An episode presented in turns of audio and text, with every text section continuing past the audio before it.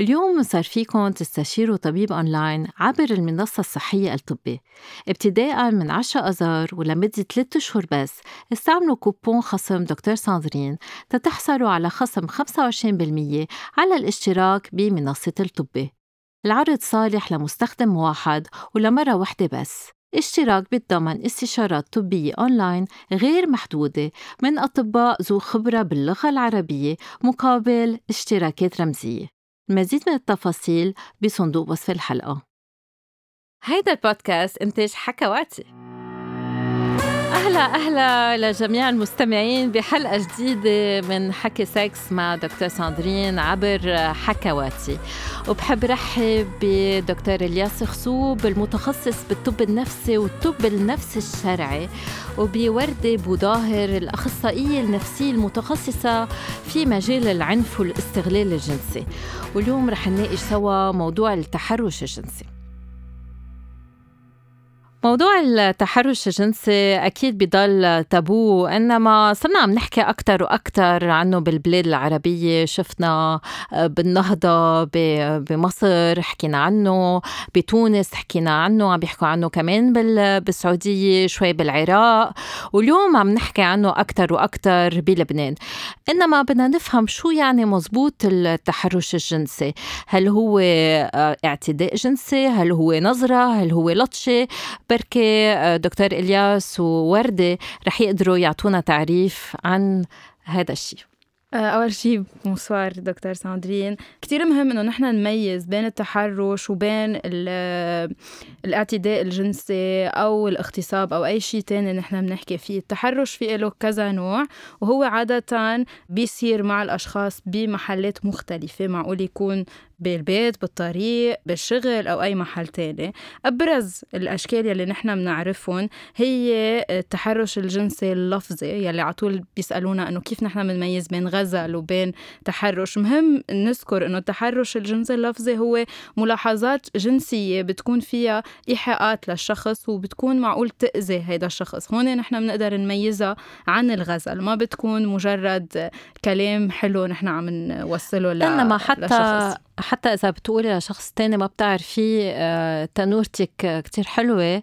آه، فيها تكون نوع من التحرش الجنسي إيه أكيد. آه، بس مهم يكون شو النية يلي وراها لهيدا الشخص شو هو عم بيحاول يوصل من هيدا الرسالة إذا أنا بس عم بقولها لحتى أكون عن جد عم بعطي مدح. مدح لهيدا الشخص شيء وإنه أكون أنا في شيء عم ناوي على شيء أكبر أو عم بعمل خطة لأوصل لشيء أخطر هون بنصير نحن عم نحكي عن تحرش لفظي.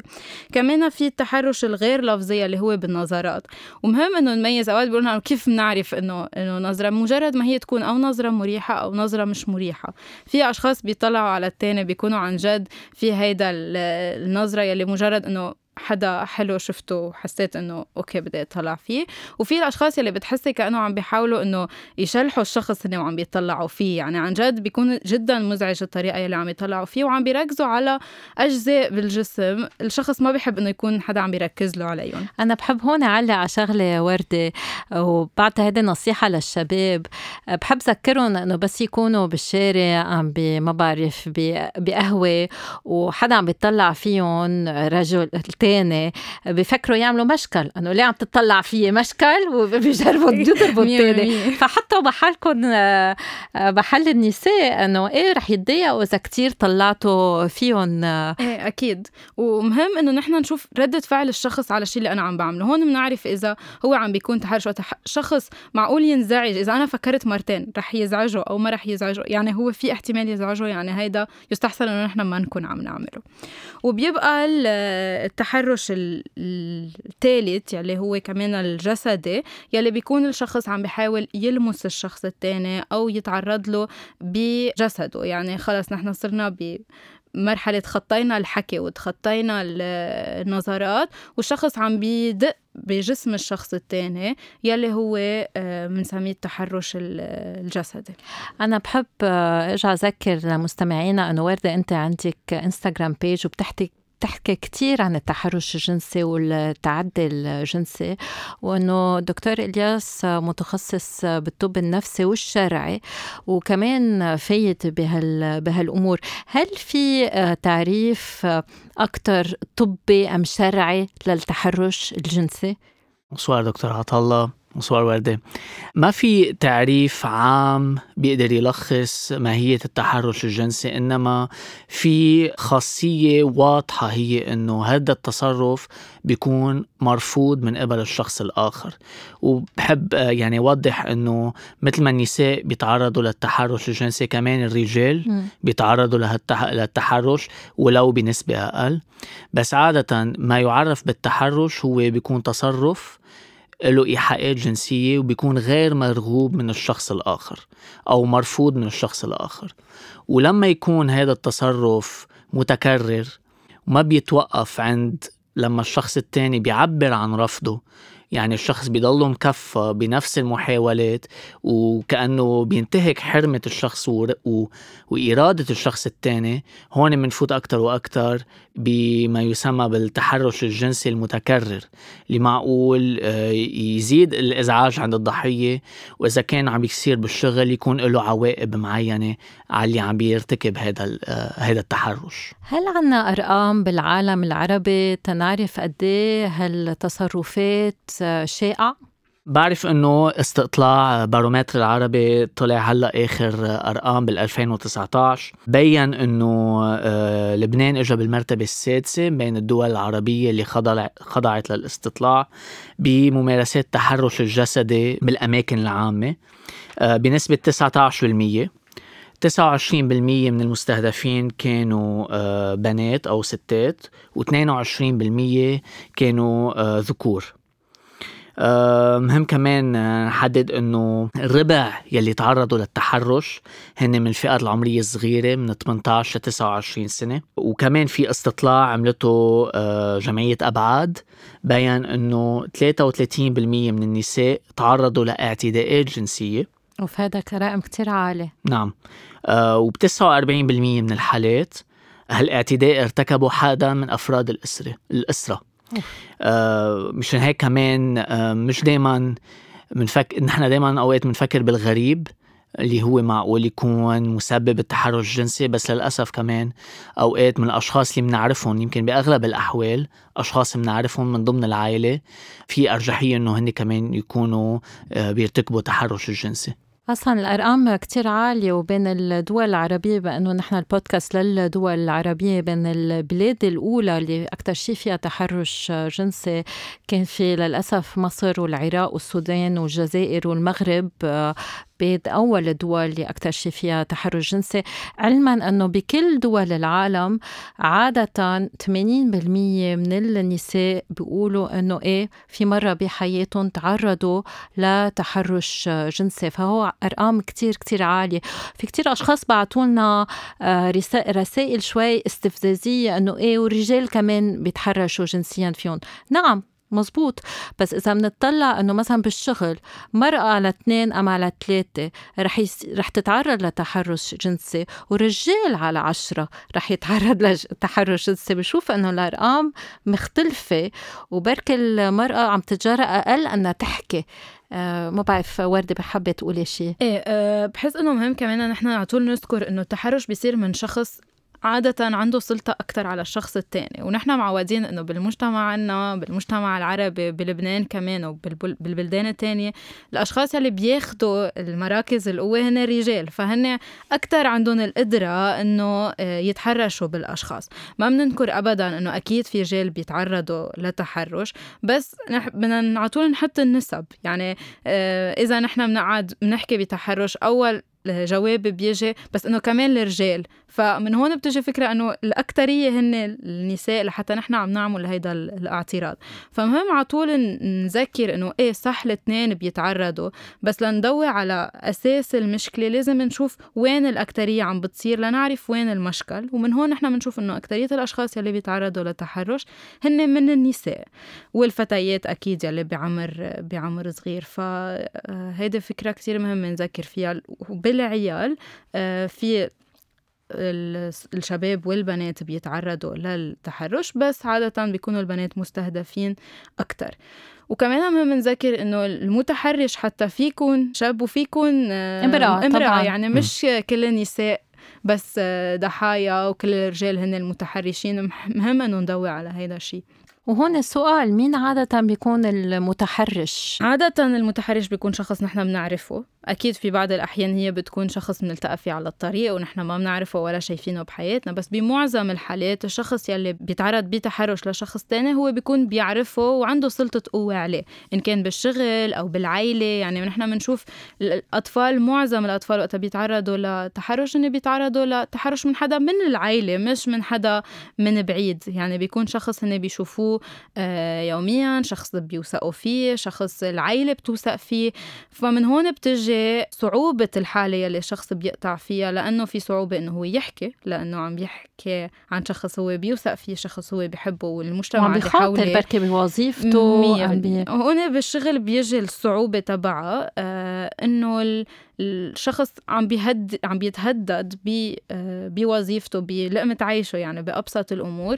كرمال الإزعاج اللي هو عم بيعيشه. وفي آه، دراسات انعملت بتبين إنه 15% بس من المؤسسات بلبنان عندهم آلية للشخص يتشكى يلي هو رقم كتير كتير كتير صغير. عملت الاستدي اي اف اي بال 2018 فمن هون بنسأل إنه إذا الشخص تعرض للتحرش أو بيترك شغله أو آه، يعني بيعيش بلا ما بقى عنده محل يجيب يأمن حياته أو بده يقبل بهيدا الشيء ومعظم الحالات الأشخاص عم يقبلوا عم يضطروا يعيشوا بهدول الظروف الصعبة لأنه ما في آلية ما في طريقة ليتشكوا قد إيه هالحالة رح تكون آه، صعبة؟ بيقولوا دكتور إلياس إنه التحرش الجنسي اضطراب سلوكي بس بيدعموا آه، خلل مجتمعي. هل المتحرش الجنسي مريض نفسي؟ هذا سؤال كتير بينطرح. بحب شدد إنه موضوع التحرش هو تصرف هو سلوك آه، مضطرب. بصرف النظر عن يعني آه، الحالة النفسية تبع اللي عم بيرتكبه.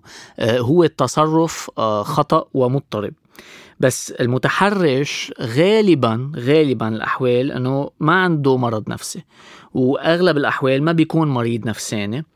عادة هو بيكون شخص مدرك لأفعاله واعي لأفعاله.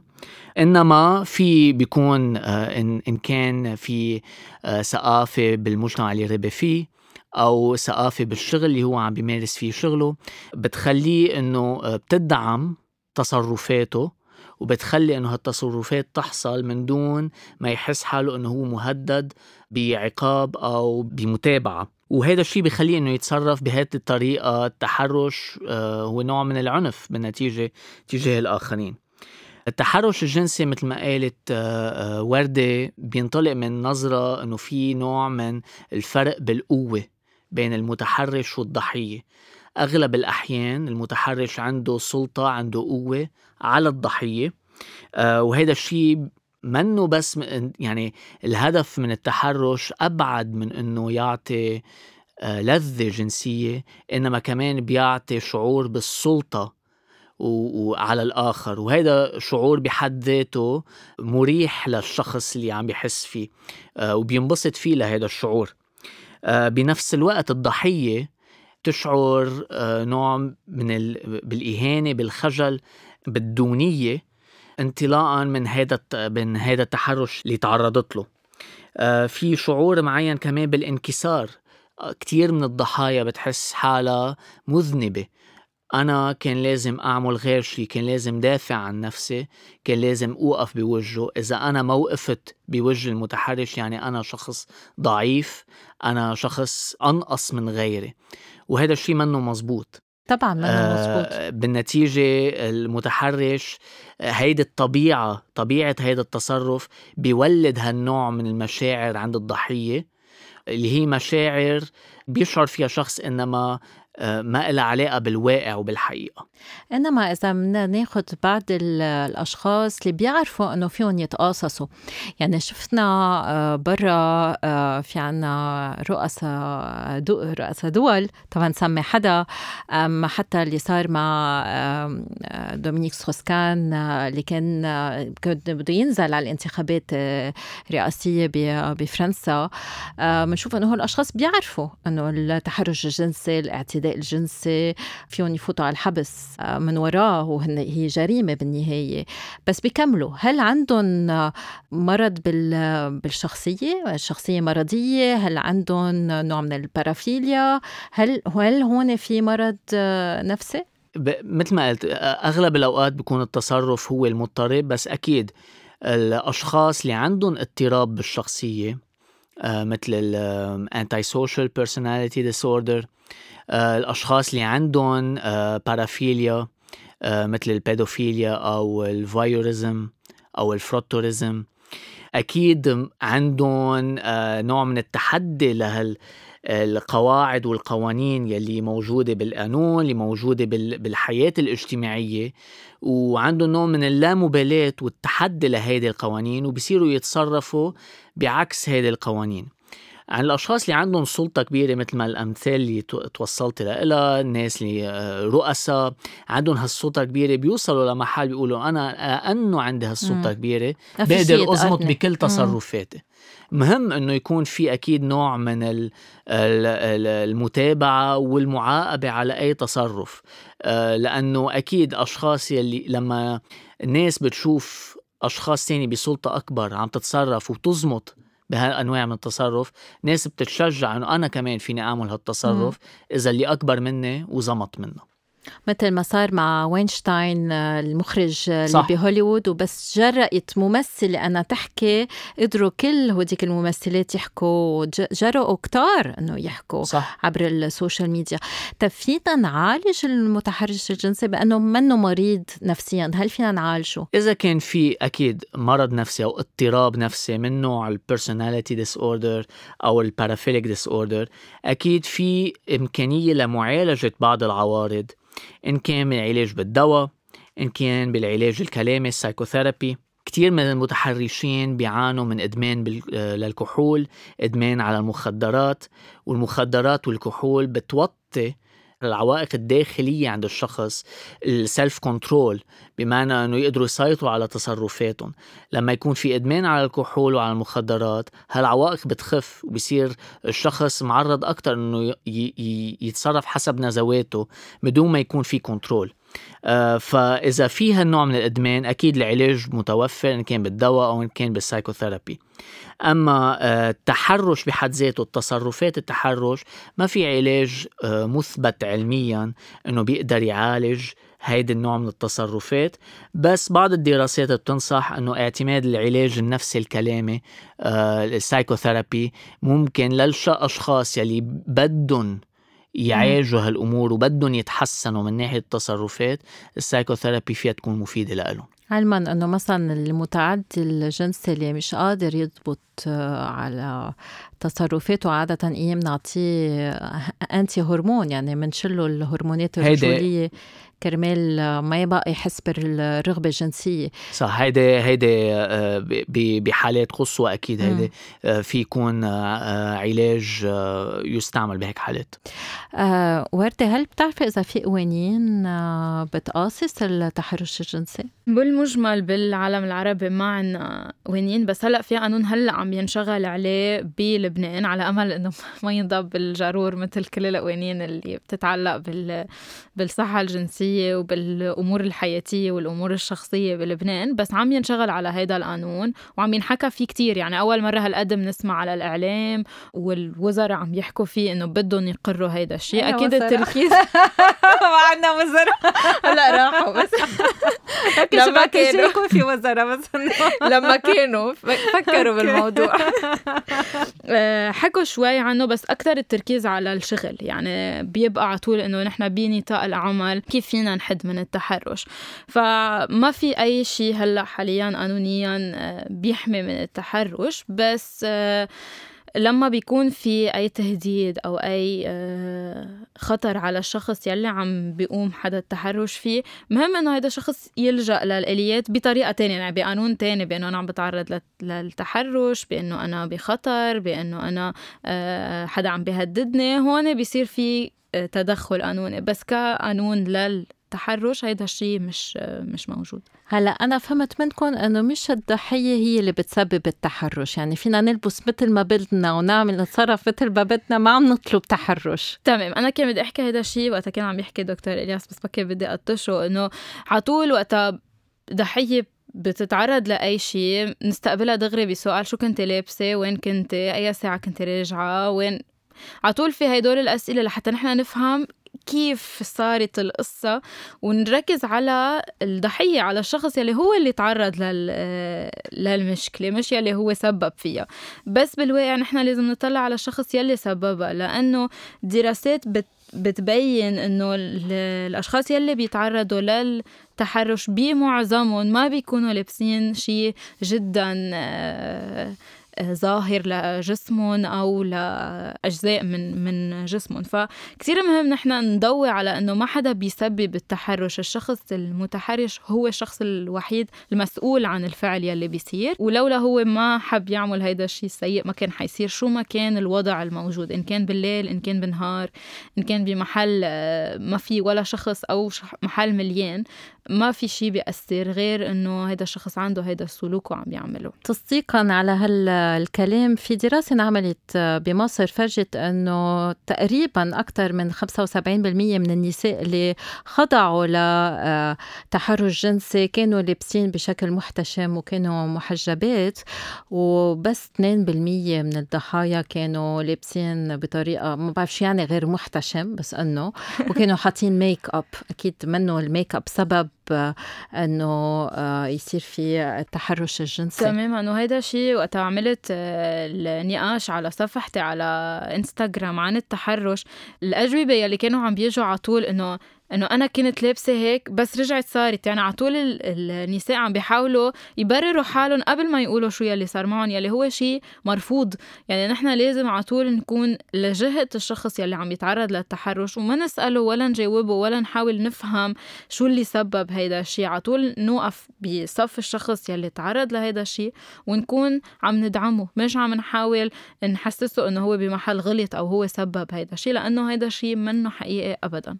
دكتور دكتور الياس هل الطبيب النفسي هل هو في يقيم المتحرش الجنسي؟ نعم الأطباء النفسيين وخاصة المتخصصين بالطب النفسي الشرعي في يتم استشارتهم لتقييم اللي ارتكبوا التحرش الجنسي أو الاعتداء الجنسي كذلك أنه يقيموا ضحايا التحرش الجنسي وهل فينا نثبت التحرش الجنسي؟ الإثبات بح... يعني هيدي شغلة المحقق.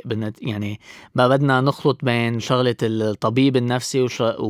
وشغلة المحقق إنه آه يثبت إذا صار في هي... نوع من التحرش شغلة الطبيب النفسي يقيم المرتكب إذا عنده استعداد إنه يرجع يعمل هذا التحرش أو يرجع يعمل هذا النوع من التصرفات.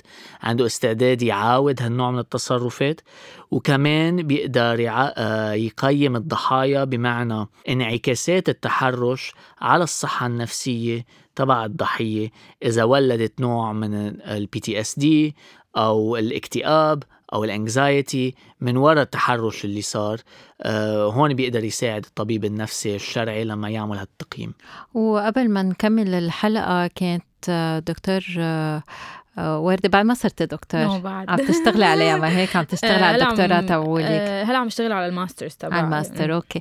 كانت وردة بدها تعطينا هيك 3 اف قلتي لي. إيه. يلي هن كثير مهمين لأنه نحن على طول من بيحكونا صبايا أوقات انه إنه أنا عن جد ما قدرت أعمل شيء يعني هو كان عم عم يتحرش فيي أو عم بيعتدي علي وأنا عن جد ما كنت قادرة أعمل شيء يعني حسيت حالي ما حتى قادرة أقول له لا. هل يعني أنا كان بدي هيدا الشيء مهم نضوي إنه ما على طول الشخص إذا ما عم يردد فعل يعني هو بده هيدا الشيء لأنه طبيعة الإنسان في ثلاث آه، ردات فعل بيعملها للتحرش والاعتداء الجنسي.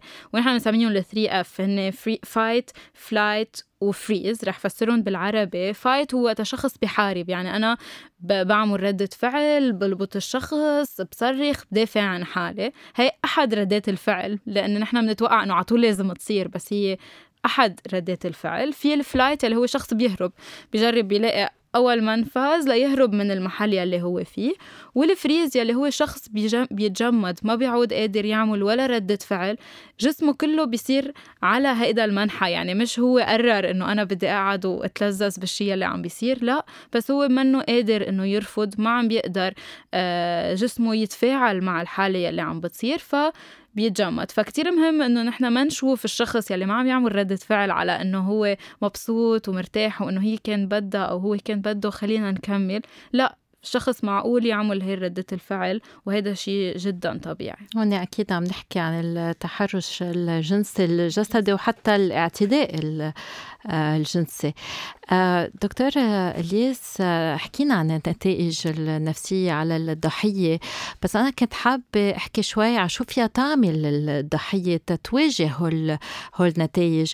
مثلا بالجامعة الأمريكانية في نوع من السياسة مسمينها Title 9 هي سياسة أمريكية. فيك تفسرنا شوي عنها وكيف فيها تساعد الضحايا؟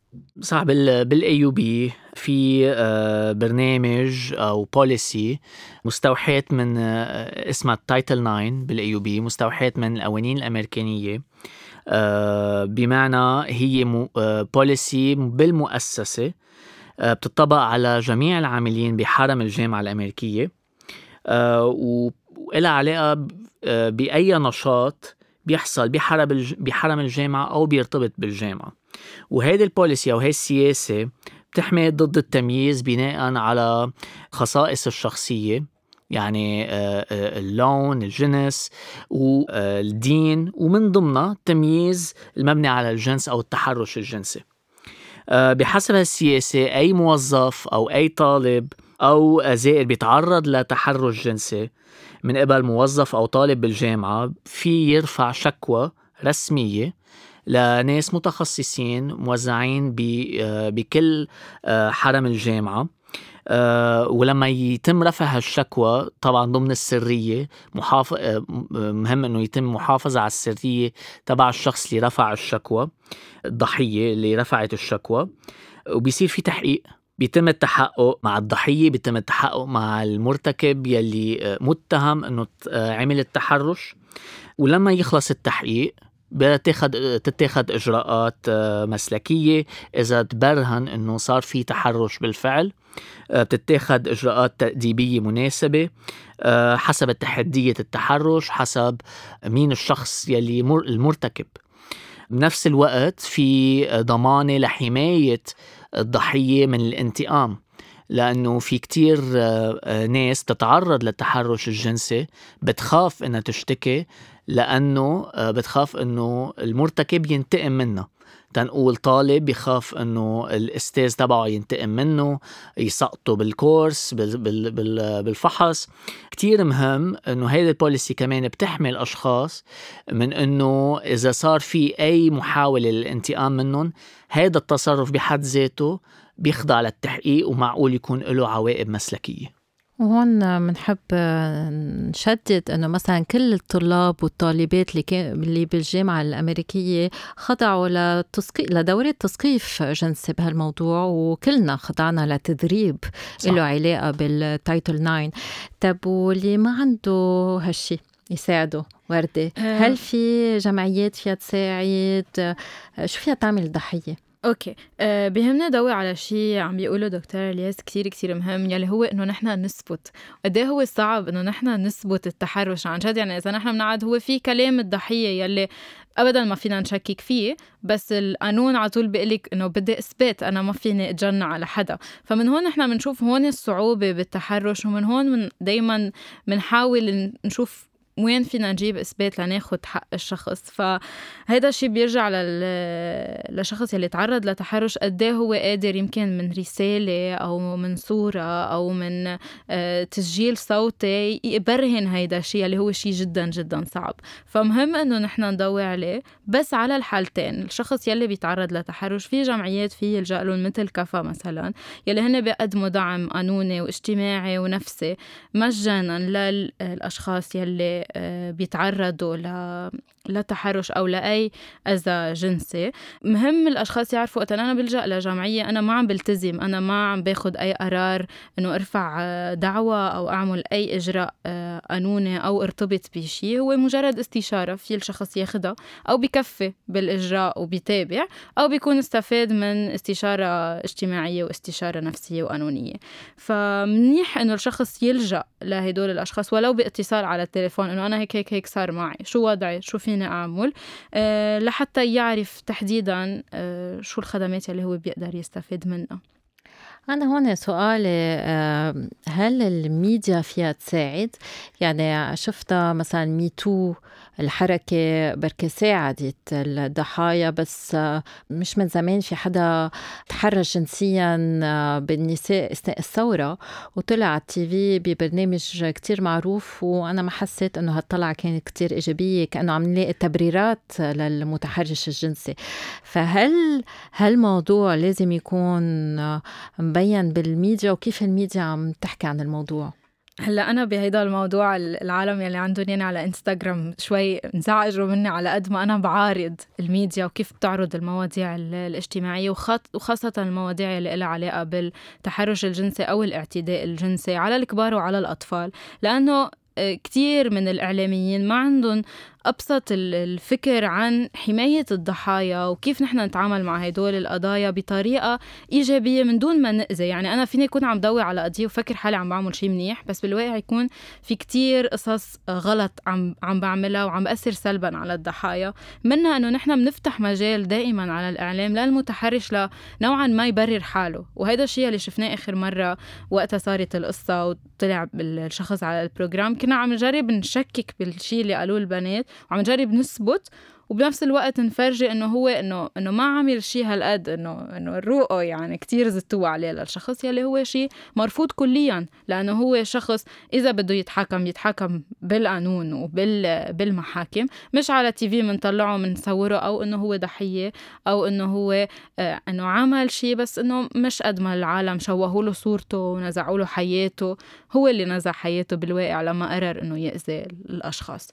آه فكتير مهم ننتبه على دور ال social media وال آه والإعلام كيف بيصور هدول القضايا. وبخصوص حملة Me Too كنت عم تسأليني عنها هي حملة جدا مفيدة لأنه فتحت مجال للأشخاص إنه يحكوا.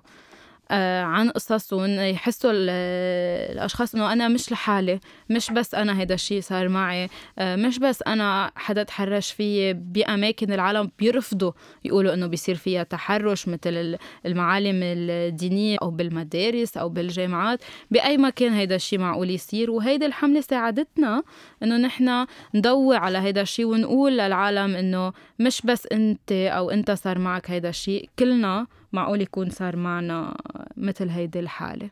كلنا وحتى قلتي لي إنه في صحفيين بالاثناء الثورة عم بيكونوا ضحايا للتحرش الجنسي؟ 100% آه على الهوا كتير شفنا إعلاميات تعرضوا لتحرش جنسي. إن كان حدا يقرب يبوس إعلامية هي ولايف على على التي في أو آه، شخص آه، كمان شفنا أحد الفنانين قرب كمان ليبوس إعلامية لأنه كانت يعني عم بتناقشه فهو نوعا ما ليسكت هيدا النقاش أو يوقفه حاول إنه يبوسها ليوقف هيدا الشيء اللي هو شيء جدا مرفوض حتى لو الشخص تفاعل مع ابتسامة وهيدا الشيء اللي قالته الإعلامية إنه أنا بصح ابتسمت لأنه أنا كنت على تي في مباشر. ما كان ما كنت قادرة أعمل ولا ردة فعل بس مش يعني أنا موافقة. ما بحق له شخص غريب يجي يقرب على جسمي ويبوسني. فمهم نضوي على فكرة إنه وقتها شخص بيصير معه شيء هو ما بده إياه آه، يعني هيدا تحرش ما فينا نحن نناقش ونقول إنه لا ابتسمت على التي في يعني هي كان بدها هيدا الشيء وأنا لاحظت أني كمان مناضلة بالثورة. كيف يا الثورة تغير التحرش الجنسي بلبنان؟ بظن هيدي الثورة آه، شوي ضوت على حقوق المرأة بنفس الوقت. يعني نحن كنا عم نحكي على فصل العنف أو القصص السلبية يلي عم بتصير مع النساء أو حتى مع الأشخاص يلي هن آه، من المجتمع الميم يلي بنشوف كتير محلات كمان هن بيتعرضوا لتحرش كان في رفض لأنه نحن نميز ضد المرأة أو نميز ضد أي شخص آه، مختلف عن ما نحن متعودين. فهيدا الثورة ساعدت على هيدا الفكر ساعدت على تقبل الآخر وعلى حماية آه، الأشخاص بين بعض. فبشوف أنا أنه الثورة لعبت دور كتير مهم أنه فتحت مجال للأشخاص يحكوا للأشخاص يحسوا أنه في دعم حواليهم وأنه نحن شوي نكسر الصور النمطية والأفكار يلي بتسمح بأنه نحن آه، نشوف أنه عادي أنه يصير في تحرش. كل شيء نحن بنقول أنه عادي التحرش ما حنقدر نحن نوقفه. لازم نقول لا كل ما بنشوفه. إيه لا مش عادي ومش بسيطة. أبدا. ورح ننتقل هلأ لأسئلة المستمعين والمستمعات. وعندي كذا سؤال لدكتور الياس اللي عم بتسمع كان ب بوردة وبابا عم بيقدر يحكي. يعني آه، لأنه تحت اثنين على واحد. أنا موافقة اللي عم بتقوله. عظيم في شخص عم بيسألك شو هي العوامل النفسية اللي بتخلي الشخص يقوم بتحرش جنسي؟ آه، حكينا عن الموضوع من ناحية إنه شعور إنه في سلطة على الآخر في شعور إنه أنا بقدر أعمل اللي بدي إياه من دون أي عواقب. في شعور بالنتيجة إنه أنا بقدر أتدخل وأنتهك حرمة الآخر من دون ولا أي عواقب هيدي مش بالضرورة دليل برجع بقول منه بالضرورة دليل مرض نفسي إنما في طباع شخصية ناس عندها هيدي أنواع من الطباع أو انواع من الاضطرابات فيها تكون موجودة بتحفز الشخص على إنه يتصرف بهيدي الطريقة. بس كمان بدي نوه بشغلة آه، وردة آه، حكيت عنها. المجتمع أو ال environment اللي الشخص ربي فيه عم بيشتغل فيه آه، عم بي عم بيعايش فيه. المجتمع يلي بيبرر هالتصرفات وبيدافع عنها وبيحميها ما بدنا كمان نخفف من أهمية هذا الشيء لازم يكون في نوع من حوار لتغيير هيدي الثقافة اللي يعني ما عندي غير كلمة اسميها الثقافة الذكورية. بمعنى آه إنها بتبرر للرجل آه استعمال القوة لتحقيق أهدافه. كتير مهم يصير في حوار بهذا الموضوع بمعنى آه تنمية ثقافة المساواة بين بين الأشخاص بفرد مجتمع. لأنه تبين أنه هالثقافة الذكورية هي من المسببات الكبرى لتنمى آه، آه، ثقافة التحرش بالآخر. آه، كتير مهم يصير في تغيير بهيدي الثقافة وهذا الشغل بيتطلب وقت وبيتطلب مساهمة من كل أفراد المجتمع. مش بس على صعيد شخصي واحد. في كمان شخص عم بيقول هون رح تعطينا رأيك دكتور إلياس إنه بالنسبة له سبب التحرش الجنسي هو الكبت الجنسي والإباحية. هل هالشي هل هالشي مزبوط؟ ما بالضرورة لا. ما يعني آه، الكبت الجنسي منه آه، هيدا كمان عم نرجع لموضوع التبرير.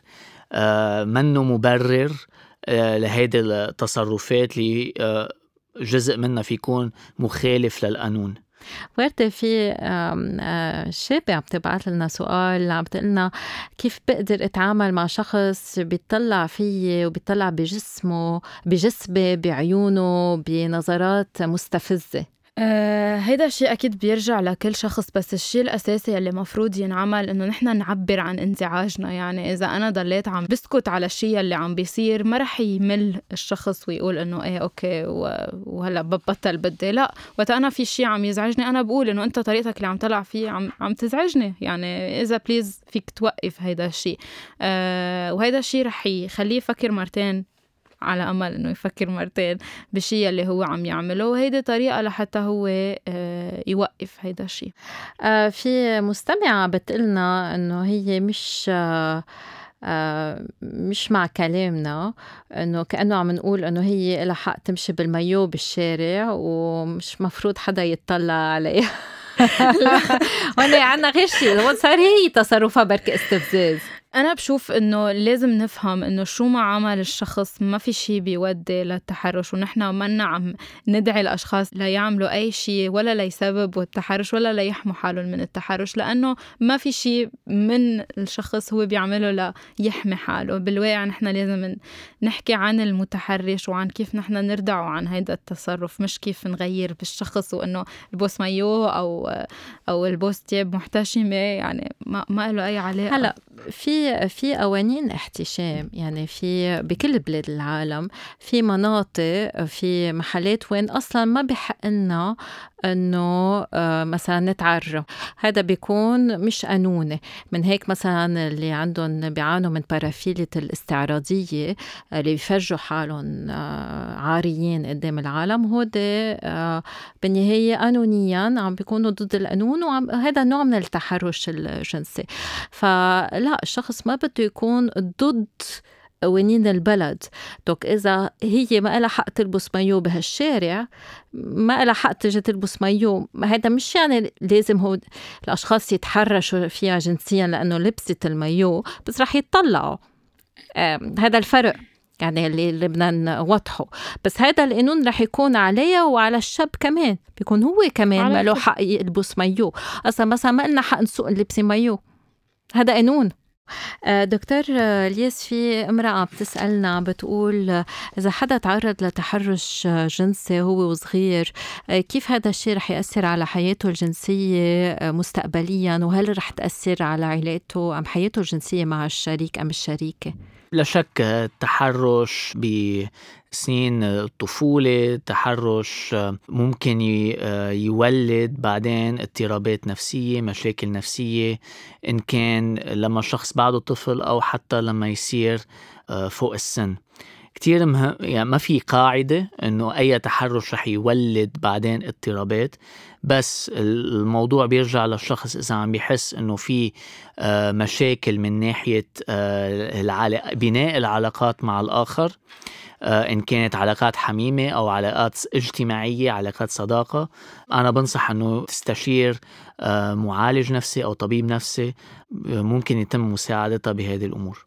طبعا والعلاج النفسي كتير كتير بيساعد وبفتكر أنتم بكفى مثلا كتير بتساعدوا آه، ضحايا الاعتداء الجنسي ان كانوا أيه. نساء أم رجال أه بكفى لا التركيز هو على النساء فقط. بس النساء أيه. بس لأنه اثنين مع العلاج النفسي فينا نساعدهم إنه يتخطوا الأضرار تماما كتير مهم على طول إن نركز على فكرة إنه أه وقتها نحن أي شيء بيصير معنا بيصير عائق بالحياة أو نحن بننتبه إنه أنا هيدا الشيء عم يزعجني بحياتي هون بنلجأ نحن للمعالج النفسي أو للأخصائي النفسي.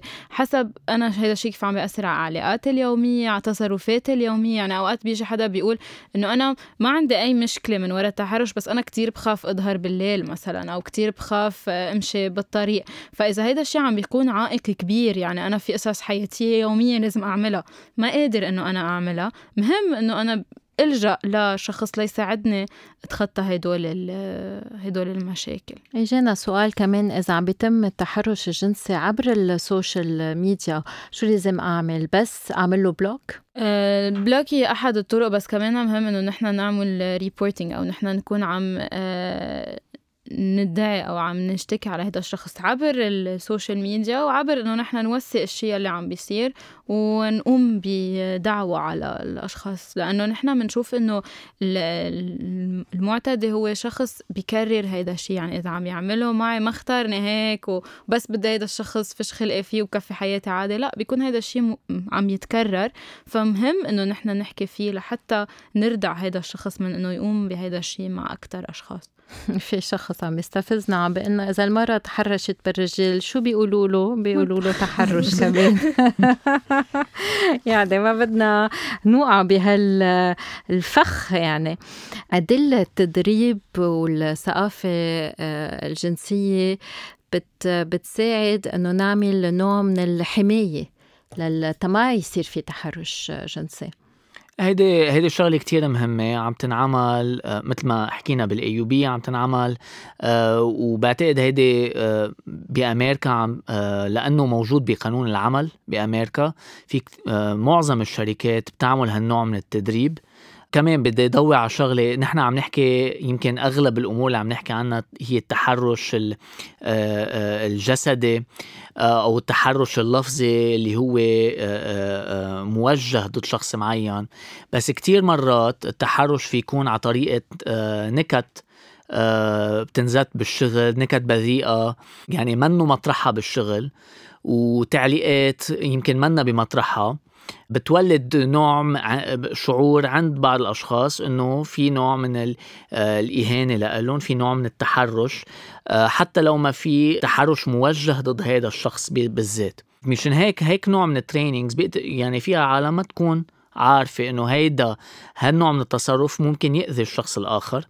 هيك نوع من ال training بيخلي العالم يعني تكتسب هالمعلومات. وكمان تفكر مرتين قبل ما تتصرف بهالطريقة بالشغل.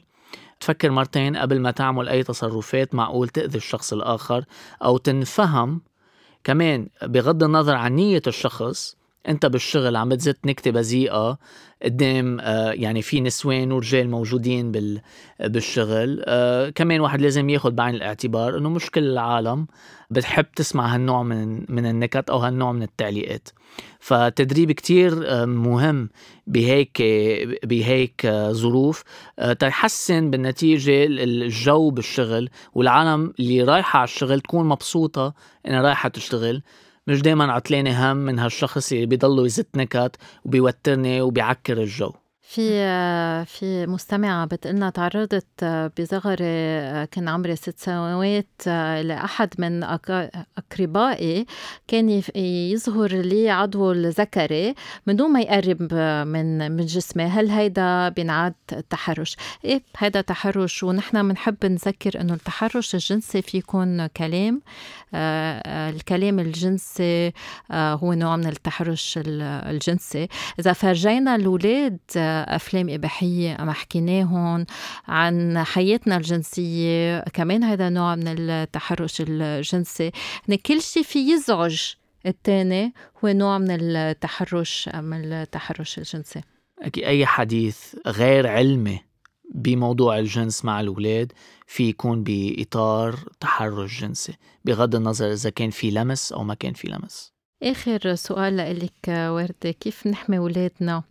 والمراهقين من التحرش هذا السؤال كتير كتير كتير كتير كتير مهم. وبحس إنه هو مفتاح لكل شيء نحن عم نبني عليه. نحن وقتها بنربي آه، جيل آه، واعي على جسمه واعي على كيف يحمي حاله وكيف ما يأذي غيره. نحن هون عم نعمل أهم القصص بتغيير المجتمع. يعني في مسؤولية كتير كبيرة على الأهل بأنه يحكوا مع أولادهم بطريقة يفسروا لهم إنه جسمهم هو شيء خاص لهم مثل ما أنا بدي أحترم جسمي وما اكون عم بسمح لحدا يأذيني كمان أنا ما اكون عم بأذي حدا.